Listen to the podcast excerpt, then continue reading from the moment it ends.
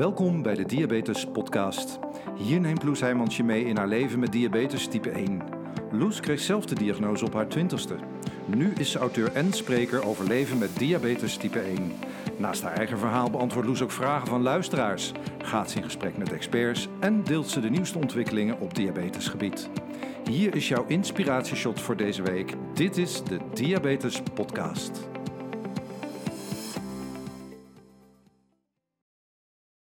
Welkom en leuk dat je weer luistert naar een nieuwe Diabetes Podcast. Weer een kerstverse aflevering. En ja, dit is er eentje waar ik, uh, waar ik best wel naar uitgekeken heb, eerlijk gezegd. Want um, ik ga het vandaag met je hebben over de 42 factoren die je bloedglucose beïnvloeden. En misschien ken je uh, dat schemaatje wel, waarin die factoren zo um, ja, mooi allemaal opgesomd staan. Ik um, denk dat ik het echt pas een, uh, nou, misschien pas twee jaar geleden of zo onder ogen kreeg, dat schema. En ik was echt verbaasd. Ik dacht, what the fuck? 42? Dus daarom kreeg ik mijn diabetes nooit onder controle. Ik, uh, het was voor mij echt een enorme openbaring.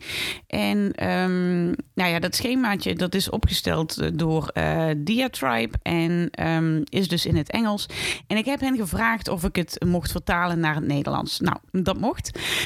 En um, je vindt dat op mijn uh, website, loesheimans.nl, uh, onder uh, blog. Daar heb ik er een klein stukje bij geschreven. En daar vind je ook, vind je ook dat schema. Dus als je toevallig achter je computer zit of zo, dan kun je hem er even bij pakken. Kun je meelezen. Maar ik lood je er ook, ook heel graag doorheen. Want ik mocht er van Diatribe ook een podcast bij maken. En... Um, ja, goed, dat doe ik heel graag. Want ik denk dat het echt. Um, ja, ik hoop vooral dat het je heel veel inzicht gaat geven. Uh, meer handvaten om uh, je diabetesmanagement op orde te krijgen. Uh, of in elk geval van die aha-momenten dat je denkt: ah ja. Dus dat heeft ook invloed. Dus daarom kan ik het soms niet verklaren. Of heb ik weer een factor erbij die me helpt om het te verklaren. Nou ja, noem maar op. Um, ik hoop je hiermee te helpen. En um, ik ga even kijken hoe ver ik kom in deze aflevering. Want ik denk dat uh, 42 een beetje veel is om in één podcast te bespreken. Um, maar goed, in dat geval worden het gewoon meerdere delen. En, uh, en kun je um, de rest in een, uh, in een volgende aflevering verder luisteren. Laten we maar gewoon beginnen bij het begin. De, de factoren uh, zijn eigenlijk onderverdeeld in een aantal um, hoofdonderdelen. Uh, je hebt factoren die te maken hebben met voeding, uh, medicatie, activiteit, biologie, je omgeving en gedrag en keuzes maken. Dus dat zijn zes hoofdonderdelen waaronder uh, die 42 factoren vallen. En we beginnen gewoon maar bij nummer 1. En het eerste onderwerp is uh, dan ook voeding. En dat is natuurlijk ook wat je altijd als eerste hoort. Hè? Oh, dan zul je wel op je eten moeten letten als je diabetes hebt. Ja, klopt. We moeten wel op ons eten letten. Um, maar dat daar dan weer uh, negen punten onder vallen. Ja, dat weten de meeste mensen niet. En uh, die ga ik even stuk voor stuk met je doornemen. Um, op één staat, en als je dat schema erbij uh, hebt of, of straks erbij gaat zoeken, het is echt heel erg mooi, want daar staan ook pijltjes bij ieder, um, iedere factor, zeg maar, wat dan het effect op je bloedglucose is. of je bloedglucose daarvan gaat stijgen, heel erg gaat stijgen, gaat dalen of gelijk blijft of gaat stijgen of dalen. Dat zijn ook bij sommige dingen dat dat kan. Dus het is niet zo dat als je deze factoren weet, dat dat het dan opeens makkelijk is. Want ook hierbij blijft veel onvoorspelbaar natuurlijk. Maar goed, um, nummer 1.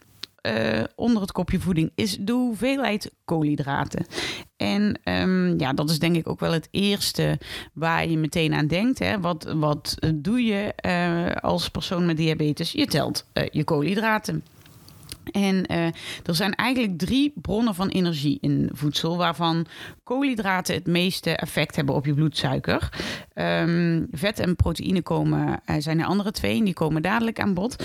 Maar ja, het tellen van koolhydraten, dat is wel, uh, dat is het goed tellen van koolhydraten, zo moet ik zeggen. Dat is eigenlijk wel een must. Ik weet ook dat er genoeg mensen zijn die het helemaal niet doen of die gokken. Ik merk wel dat hoe beter ik uh, mijn koolhydraten tel, hoe nauwkeuriger ik ook mijn diabetesmanagement uh, kan doen. En um, ja, ook wat ik daarin heb gemerkt bijvoorbeeld is ik ben sinds een paar maanden wat koolhydratenarmer aan het eten. En um, ja, dat is natuurlijk een beetje de wet van de kleine getallen. Hè? Of je nu een maaltijd hebt met, uh, met 80 koolhydraten, eh, waar altijd wel een afwijking van 10% in zit. Of je hebt een maaltijd met 20 koolhydraten en er zit een afwijking van 10% in. Dan is gewoon de kans dat het misgaat is kleiner. Dat is, dat is echt wat ik merk eh, met, met koolhydraatarm eten. Maar ja, goed tellen, uh, ja, dat is gewoon uh, dus wel echt belangrijk als je wat meer invloed wil hebben op, op die bloedglucose. Ja, doorgaande naar nummer 2 in de lijst, dan hebben we het over het type koolhydraten.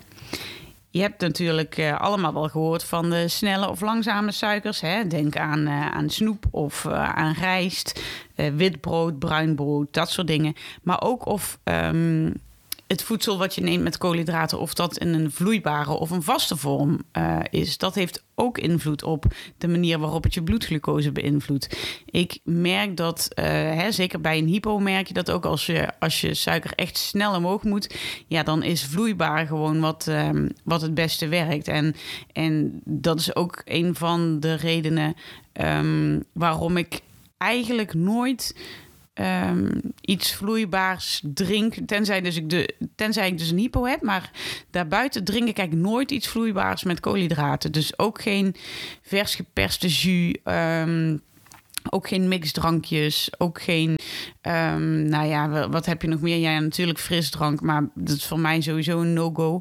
Uh, met, met suiker, de, de zero's van deze wereld, uh, die, uh, die drink ik natuurlijk wel. Maar dat is eigenlijk vanaf het begin het enige wat ik echt heb laten staan. Um, dranken met, um, met suiker. Omdat, uh, omdat daar mijn bloedglucose gewoon echt uh, linea van omhoog schiet. Maar wel handig dus bij een hypo. Nummer drie kwam net al even voorbij. Um, vetten. En voor mij zijn vetten altijd de grootste boosdoener geweest om mijn bloedglucose fatsoenlijk te houden. Echt als ik een maaltijd eet met veel vet, uh, denk aan uh, pizza, denk aan friet, uh, denk aan Chinees. Echt, dat is helemaal, dat heb ik echt wel verbannen uit mijn leven. Niet zo erg, want ik hou er ook helemaal niet zo van. Maar het was ook nog eens altijd stevast dat ik 24 uur daarna nog hoge suikers had. Um, ja, omdat de energie die hieruit vrijkomt, dat dat dus veel langer duurt uh, en veel langer koolhydraten afgeeft. Dus ja, daarmee veel uh, onvoorspelbaarder is eigenlijk.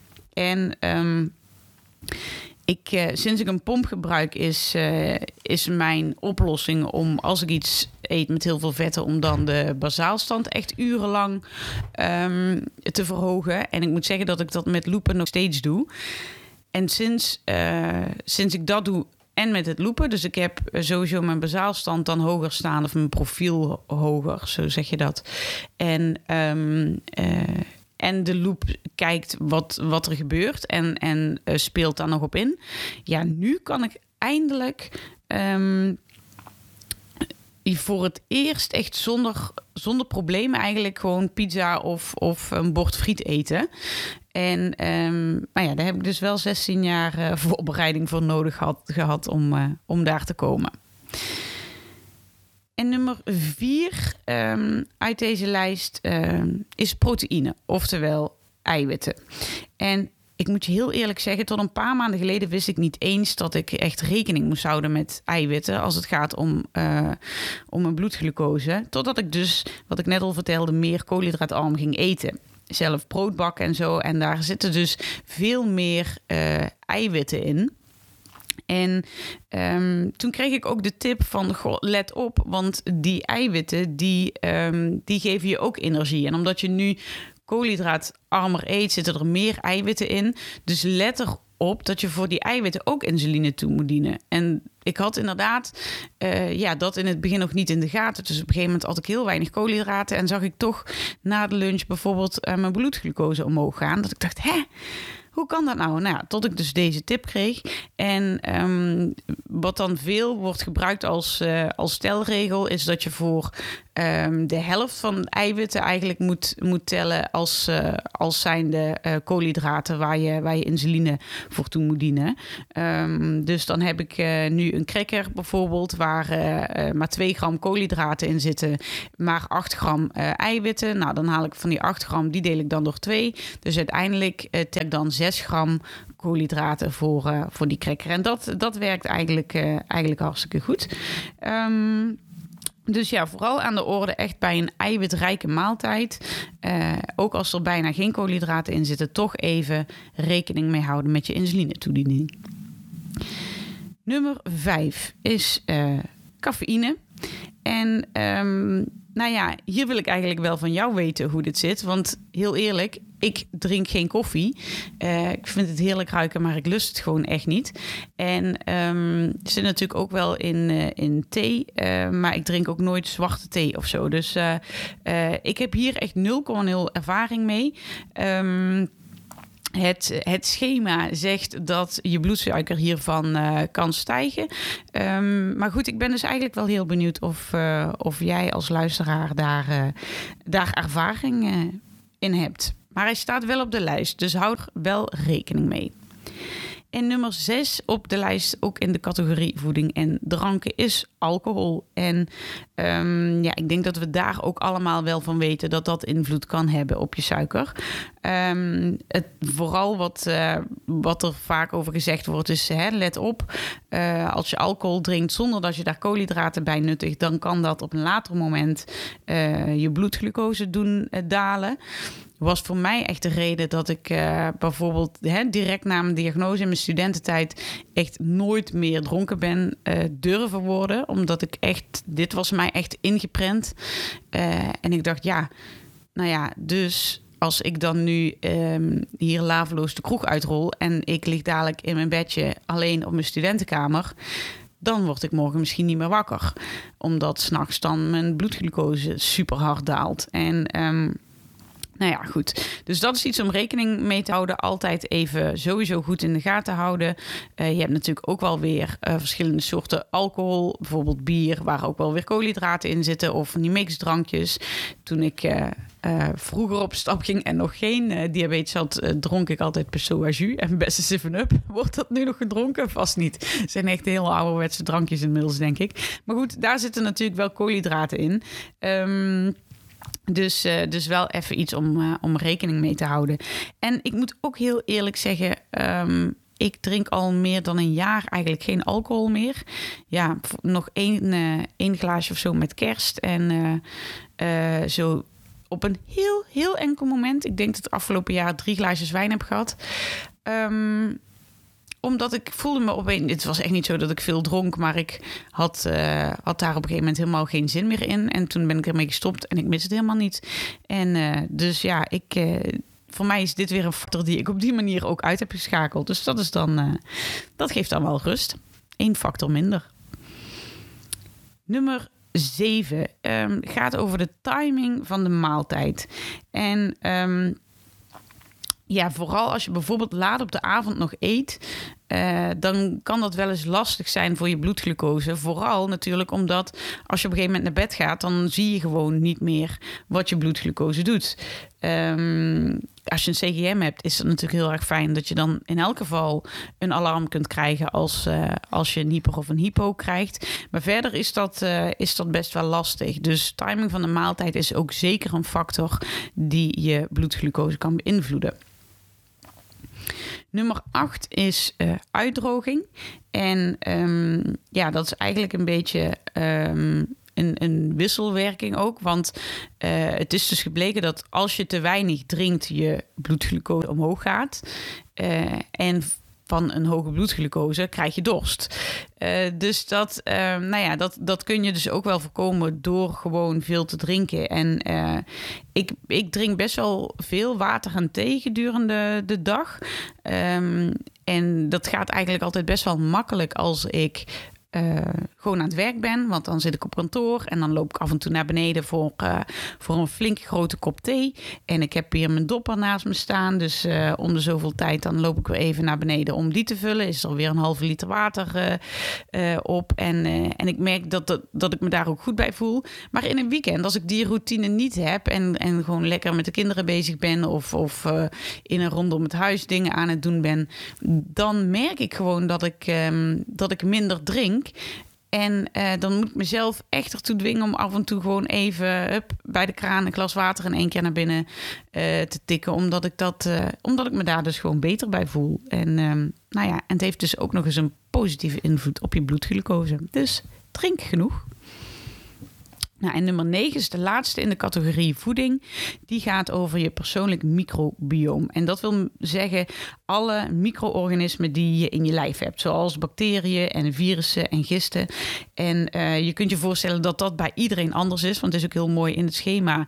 Uh, staat hierbij een vraagteken. Uh, oftewel, ja, ik weet eigenlijk niet welk effect dit op je bloedglucose heeft.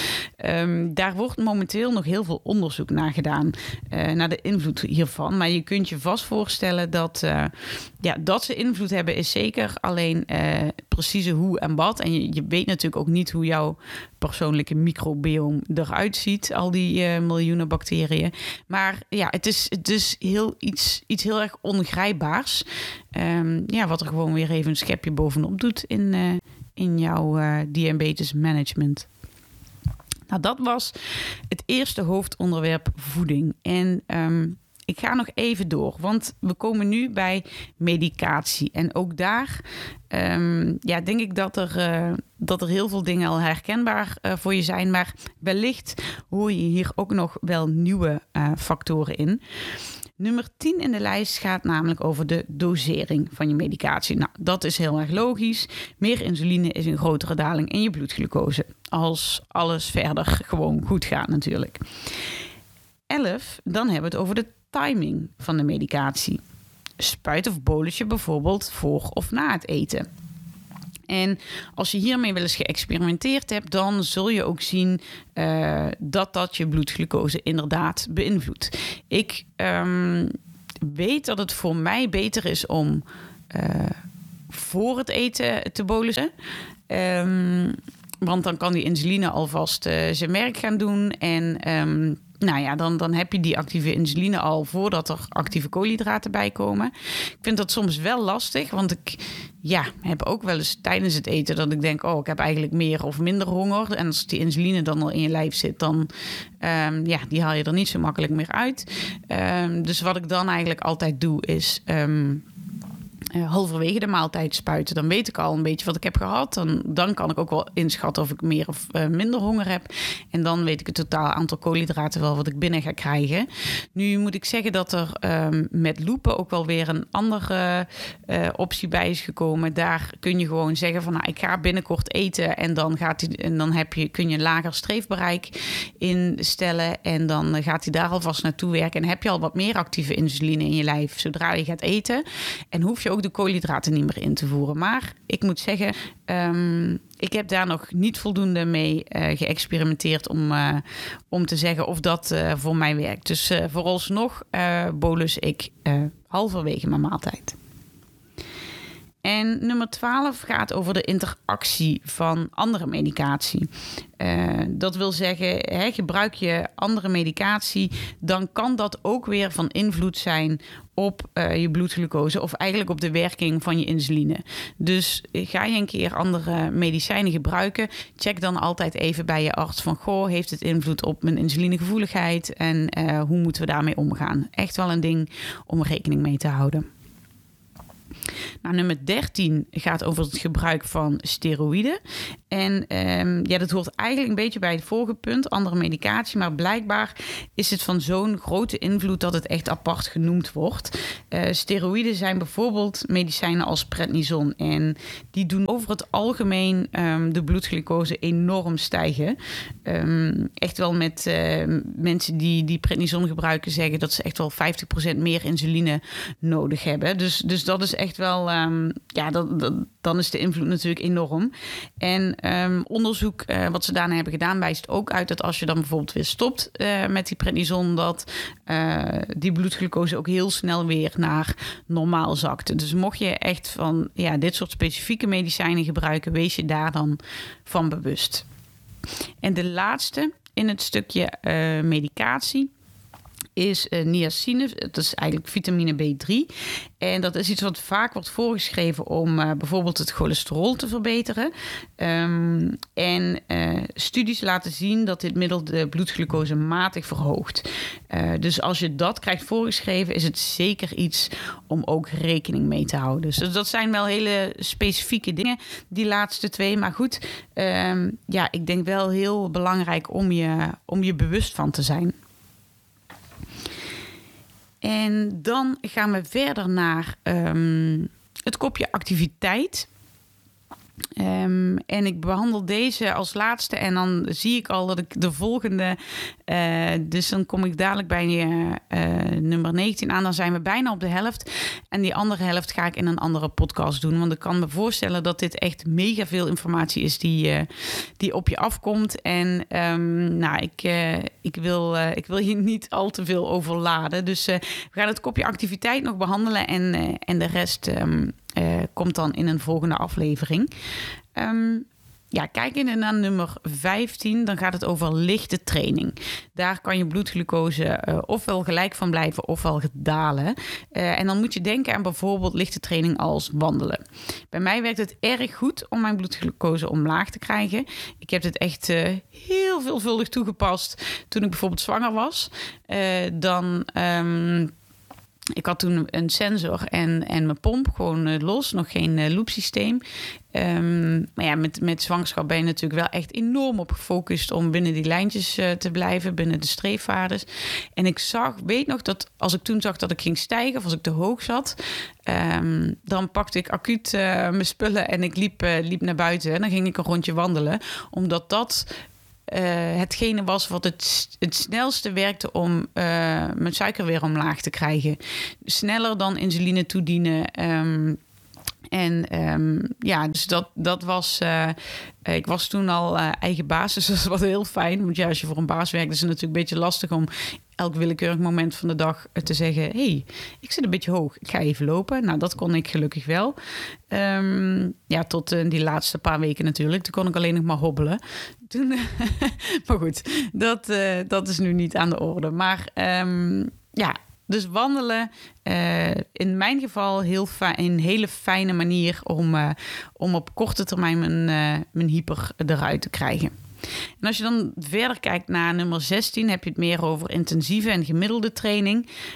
Wat er niet altijd voor dalende bloedglucoses uh, zorgt. Want bijvoorbeeld zaken als uh, sprinten of uh, gewichtheffen, die kunnen ook voor een stijging zorgen. Dan komt doordat er adrenaline vrijkomt. En um, wat er gebeurt bij adrenaline is dat het, dat het lichaam vertelt om opgeslagen glucose vrij te geven. Um, dus dan gaat ja, gaat je suiker juist omhoog. En dat is precies, ik ben geen gewichtheffer of ik ben ook geen sprinter. Maar dit is wel wat er bij mij gebeurt als ik een handbalwedstrijd heb. Want uh, dan, uh, nou ja, dan komt de, de wedstrijdfactor om de hoek kijken, uh, wedstrijdspanning. En ook dat maakt adrenaline los. Um, dus dat betekent dat ik bijvoorbeeld bij een uh, handbaltraining echt compleet iets anders doe met mijn uh, diabetesmanagement dan bij een handbalwedstrijd. Bij een handbaltraining heb ik bijvoorbeeld, uh, zet ik mijn bazaal echt al twee uur van tevoren op 50% en hou ik rekening met mijn bolus van tevoren. En bij een handbalwedstrijd blijft gewoon de hele wedstrijd en van tevoren ook mijn bazaal op 100% staan. Omdat ik dan dus echt meer insuline nodig heb om die, die, ja, die glucose die vrijkomt door die adrenaline, om die te tackelen. Dus zeker iets om, um, om rekening mee te houden. En natuurlijk kan bij een zware training uh, je bloedglucose ook heel snel dalen. Hè? Dus, uh, dus echt iets om goed in de gaten te houden en, uh, en regelmatig te meten. Nou, nummer 17. Um, ehm, ja, het, niveau van een training, of meer eigenlijk de mate van geoefendheid. Dus als jij getrainder wordt, um, meer ervaren in een bepaalde sport, dan kan dat het stijgen of dalen van de bloedglucose ook weer beïnvloeden. Toen ik startte met, uh, met hardlopen bijvoorbeeld, ja, toen zakte ik steeds echt als een malle. Echt bij de minste training, woep, daar gingen die twee pijltjes weer omlaag en kwam ik weer thuis uh, uh, met een hypo. En, en nu ik dat wat langer doe, valt dat al veel beter te doseren. Dus dat, dat is zeker ook een factor die, die meespeelt. Nou, nummer 18. Um, ja, het gaat over het tijdstip van de training. En dat heeft er weer mee te maken dat uh, ja, je insulinegevoeligheid, en uh, dat herken je wellicht, is, is gewoon anders gedurende de dag. Um, nu ik veel wandel om te trainen voor mijn hike in Spanje, zie ik dat het uitmaakt op welk moment van de dag um, ik wandel en, en hoe ik mijn bazaal daarop aan moet passen. Uh, bijvoorbeeld s ochtends, als ik s morgens echt ga wandelen, dan zet ik mijn uh, bazaal op, uh, op 70%. Terwijl ik dat s middags op, of s avonds op 50% moet zetten. En dat lijken kleine verschillen, maar zijn voor mij wel de verschillen tussen net wel of geen hypo. Of, of aan de bovenkant juist met een waarde van, van 10 lopen de hele tijd, of toch met een waarde van 8. Um, ehm, dus dat is echt iets. Um, uh, ja, wat, je, wat je ook voor jezelf moet testen, maar waarvan, je, waarvan het dus überhaupt al fijn is om te weten: hey, uh, dit kan ook invloed hebben. Dus, dus kijk eens of je dat merkt, of het voor jou verschil maakt in, uh, in je diabetesmanagement, of je ochtends of avonds bijvoorbeeld gaat trainen. Weet, weet dat daar dus echt ja, verschillende insulinebehoeften bij aan ten grondslag kan liggen. En nummer 19, nou dat is dan de laatste voor vandaag. Uh, dat heeft te maken met de timing qua eten en qua insuline. Um, bijvoorbeeld, hè, als je weet van ik ga uh, bewegen, ja, zorg dan dat je niet uh, al te kort van tevoren eet of bolust. Um, ik zet bijvoorbeeld ook mijn, mijn bazaal echt anderhalf uur van tevoren lager timing is hierin echt alles. Want hoe minder actieve insuline in je bloed, hoe stabieler uh, je bloedglucose ook uh, blijft. Tenminste, bij mij is dat zo. Hè? Uh, dat is natuurlijk een beetje trial and error. Dat heb ik ook al over met, ehm, in, met Bas van der Goor in de podcast die ik met hem opnam over sporten. Dit is zo verschillend per persoon. Um, dit is hoe het voor mij werkt. Hè? Bazaal lager zetten. Uh, zorgen dat ik niet te veel um, insuline, uh, actieve insuline in mijn bloed heb. En ik kan dat ook zien. Um, nu met de loop zie ik precies hoeveel actieve insuline ik heb. En kan ik uh, steeds beter inschatten. Ja, wat dat dan gaat doen als ik bijvoorbeeld een uur ga wandelen of een half uurtje ga rennen. Uh, en, en ja, dat inzicht heb ik alleen maar gekregen doordat ik het. Uh, um, ja, doordat ik het telkens probeer en bijstel. Ik heb bijvoorbeeld vanochtend uh, nog anderhalf uur gewandeld. En um, ik was met iemand aan het wandelen. Dus ik, we waren ook in gesprek. En dan wandel ik minder hard en intensief dan, dan wanneer ik zelf uh, ga wandelen. Dan, dan heb ik er wel een, een flinker tempo op. Maar ik wist dit van tevoren. En het enige wat ik nu bijvoorbeeld heb gedaan... is in mijn uh, loopsysteem mijn um, streefwaarde hoger gezet. Dus ik heb gezegd, nou, streef maar gewoon de komende twee uur naar een waarde van 8. En ik heb verder niks verwisseld, niks um, aangepast aan mijn profiel. En, um, en dat ging dus perfect. En dat is echt zo fijn. maar goed, jullie weten inmiddels hoe ik over denk. Maar het, het, zet sommige van deze factoren ook wel weer even in een ander daglicht. Omdat er gewoon een systeem is wat met je meedenkt. Ook, ook in, die, in die twee, in een aantal van die 42 factoren. Dus uh, nou ja, goed, we hebben er nu 19 gehad. Ik hoop dat je oren nog niet helemaal klapperen en, en dat je me een beetje kunt volgen. Maar ik, ik denk het wel. Het, het, is, het is geen hogere wiskunde. Um, het is alleen heel erg fijn, denk ik, om je bewust te zijn van die 42 factoren. En Misschien heb je iets nieuws gehoord, misschien ook niet. Uh, ga eens voor jezelf na van, goh, ben ik me hiervan uh, bewust? Um, uh, hou ik er rekening mee in mijn, in mijn dagelijkse leven? Of gaat er nu opeens een luikje open waarvan ik dacht, aha...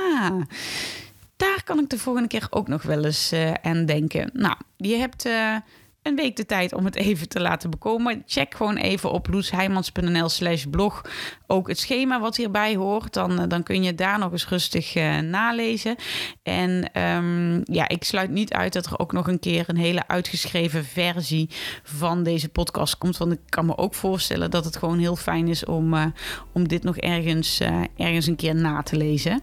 Um, maar voor nu um, zijn dit de eerste 19 en gaan we volgende week gewoon op ons gemak verder met de overige uit de lijst van 42 factoren die je bloedglucose beïnvloeden. Vond je dit nou interessant? Laat het dan even weten. Ehm, deel even een screenshot als je aan het luisteren bent. Uh, laat een review achter of stuur me gewoon een berichtje. Dan, uh, nou, dan weet ik ook dat ik met mijn informatievoorziening richting jou op, uh, op de goede weg ben. En um, ja, wil je me een berichtje hierover sturen? Kan ook op Instagram natuurlijk. Doe mij maar diabetes. En um, ja, wil je nog meer horen? Check dan ook vooral even petje.af slash de diabetes podcast. De plek waar ik uh, ja, nog meer blogs en nog meer afleveringen deel. Uh, waar je met mij in, uh, in een Telegram app kan of het audioboek kunt krijgen van Doe mij maar diabetes. Dus, dus check die nog heel even. Dan um, zie ik je volgende week heel erg graag bij um, het vervolg op 42 factoren die je bloedglucose beïnvloeden. Heb een hele fijne dag.